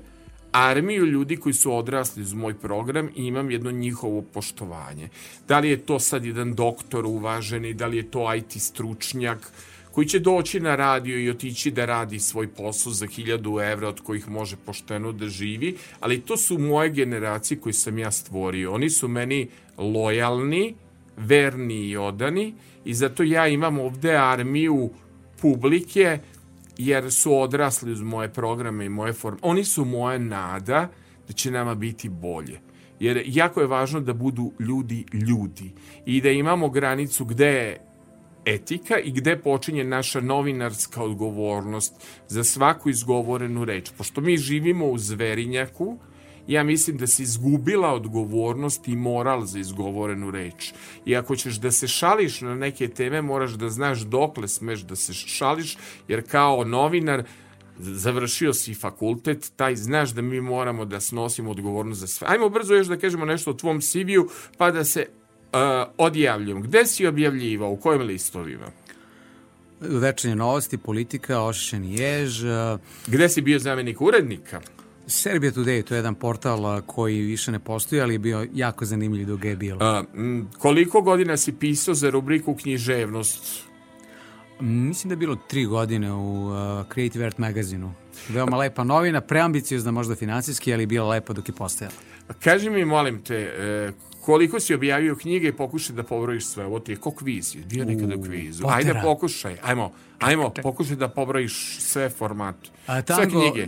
Tango na trotoaru, Dobro. mačka bez jedne cipele, grbave tange pesmarica, mi smo okre oči i, i, i kako sam smršao 60 60 kila bez tašte i heroina. Nutricionistička autobiografija. Za svoj rad, koliko si dobio zaslužnih nagrada? Ajmo za nagrade. Dobio sam dva puta nagradu Pera Stojanović Tuman, radio televizije Vranje za TV scenario. Dobio sam u Šapcu na Čivijadi nagradu za priču, nagradu Beogradskog afrističarskog kruga i mislim da sam dobio još e, nagradu e, Vladimir Bulatović. Bulatović VIP za najmlađeg, najboljeg mladog satiričara 2008. godine. Jer znaš mog školskog Ranka Pivljanina koji je pre nego što je bio komentator u Blicu, inače s istog fakulteta, sad je um, kolumnista na, bio je u Blicu, sad je na portalu Nova. Da li znaš mog školskog? Jeste se sretali na festivalu humora i satire? Znaš li mi školskog Da, druga? da, da, naravno. Mislim da smo se sreli na festivalu Vuko Bezarević u Pljevljima jednom ili dva. Ovaj, Veoma, to je veoma- inače moj, moj školski, jako nam je, znaš, a da li znaš Ivanu Pataković, moju takođe pevala prateće vokale, šarmerke, radila je u Huperu kao Cindy, radi na Radio Beogradu 202, ja Apsolutno. mislim, da li znaš Ivanu Pataković i ona je moja školska, samo da Ivana, ti. Ivana radi emisiju u noćnom programu, zove se Tu i tamo i ona obično ide nakon a, programa koji ja vodim, ne uvek, ali a, kad god se poklopimo, ja odlazim, ona dolazi. Da li ti znaš koliko ste vi slušani kad su u pitanju taksisti? A, da li znaš da tvoja ciljna grupa, to su rokeri, da ne postoji rock band u Novom Sadu koji ne želi da se pojavi na Radio Beogradu ili na Radio Novom Sadu, da nas je jako malo ostalo, preostalo kvalitetnih radiostanica i da ljudi pametni, rokeri koji žele nešto da kažu, se obraćaju nama. E, mi imamo ciljnu grupu. To je jako značajno u vremenu kad nema ciljnih grupa. Kad su svi broje lajkovima na Instagramu, inače lajk na Instagramu je najveća laž. Najviše oni koji su ti na storiju neće da ti daju srce. Baš ćemo testirati tvoj i moj e, nabuđeni smo imali fotografiju, namerno sam napravio da bude to za tu. E, i dakle ti si znači bio voditelj, jel tako, kojih festivala? Satira Fest, novogodišnji satirikon i brojnih eh, drugih eh, koji su uvek bili okrenuti umetnosti ili, ili satiri. Dakle, nisam sad neko ko može da vodi mesam. Mislim, ja mogu da vodim, ali ne bi oni hteli. Ali eto, kad su u pitanju ti zabavniji humoristički formati, eto, kad god me pozove, ja se odazovem. Dobro. Mi, mi ćemo šarati, pošto ti je bila playlista još, da kažem, bogata, ali pošto ja pripremam i dalje happening vožnja liftom do trećeg sprata da vidiš gdesk radio televizije Vojvodine, da vidiš moju kancelariju, pripremam ti happening i u multimedijalnom restoranu, mora još pa, na ovakva dva lepotana da padne još koja fotografija. Koja je najveća nagrada za tebe, nešto drugo? Dobio si nagradu, koja ti je najveća nagrada? Lepo si napisao i iskreno, reci mi. Napisao sam novac, ali to je naravno šala. Dobro. E, zato da li ga je bilo, misli, da li da. si uspeo da, da, da živiš od novinarstva, reci mi iskreno, s obzirom da si zaista radoholičar i jako vredan čovek. Sad da ćemo da si izmerimo da puls. Dobro. Uspeo sam da živim. Uh, uspeo sam da živim, a, a da ne životinjarim, što bi rekao Mamo Kapori. Uh, kako da kažem, ja uvijek volim da kažem kad se ljudi žale, kažem ljudi, živimo u zemlji Srbiji, živeti od posla je već naučna fantastika, živeti od onog što voliš je već neki treći nivo, ono susret bliski treće vrste i meni je drago što eto, nisam se obogatio, nisam došao ovde, video si limuzinom, nego, Nisi. nego vozom Soko. Ali Soko, ali i dovezao taj prijatelj, bogat si sa prijateljstvima, Eh. bogat si sa ljudima, ne znam da li te dovezao ili ste došli busom, nije bitno, ne moraš sve tajne da otkrivaš i reci mi emotivno i bračno stanje, ako sme da se pita, kakav si, da li da te ženimo ili da te razvodimo. To sad, ovo je malo sad aforistički, ali moram i da pitam. Pa recimo, Emotivno recimo da sam stanje. tri četvrtine oženjen. Tri četvrtine, šta to O- znači? ostala je jedna ruka slobodna. O, o, o, Znači, ože, oženjen si, a nisi potpisao. Oženjen sam kao Novak živim. A, dobro. Živiš i radiš u Beogradu, da li se zna koji grad, koji deo Beograda, Bože, koji grad Beograd je toliko postao o- ogroman. Pa ruski, I na ka- Vračaru. E, Ruski. Au, pa strokce. A kaži mi, molim te, samo jedna stvar, na posao ideš pešice ili ideš prevozom? Peške. Kako ideš? Peške, idem Zato je tako dobra linija. Da li je moguće da ovaj čovjek ima toliko kila? Vidi, izgledaš mi... kao butkica iz Trsta. Da, kao butkica iz Trsta. Dakle, kad sam video njegovu biografiju, potom, kad sam dobio njegovu podršku na društvenim mrežama za jedan oštar post, pa imam i ja pravo malo da budem aforističar, a ne samo Miodrag Stošić, da se zahvalim Miodraže što si došao i što smo uživali u tvom gostovanju, a ovo sada još oko nekih bez... No, još ćemo da vidimo šta i kako ćemo da slušamo. Hvala ti puno što si bio moj gost. Doviđenja, imaš li još što da kažeš za kraj? Hvala mnogo na pozivu i nastavi da radiš to što radiš i veruj mi, neko pametan je rekao da uh, je najveća osveta svetu oko nas uh, to što ćemo biti srećni i što ćemo raditi ono što volimo kako treba. Ja, ja sam bogat čovek, to sam često rekao svim mojim saradnicima, montažerima, ton majstorima, rekao sam i mom Dejanu Jociću srećan je čovek koji voli šta radi, ja zname Jocić još iz škola, od Osite Obradović, zname kad sam bio mršav i kovrđav ko Željko Bebek, bio sam najkovrđaviji, najmršaviji čovek na detelinari, znaju me svi. I Kris Lotereana, zna me Boga mi i Zorna Đaković, svi me znaju u mom zavičaju. Gle pesma Miše Kovača na tekst Marine Tucaković. Svi me znaju u mom zavičaju. Nećemo s Mišom odjaviti. Dakle, hvala Miodraže Stošiću što si bio moj gost, a svi nek poslušaju na odloženom slušanju ko će da čuje pametne reči još jednom. Doviđenja. Zdravo. Subotom sa Sašom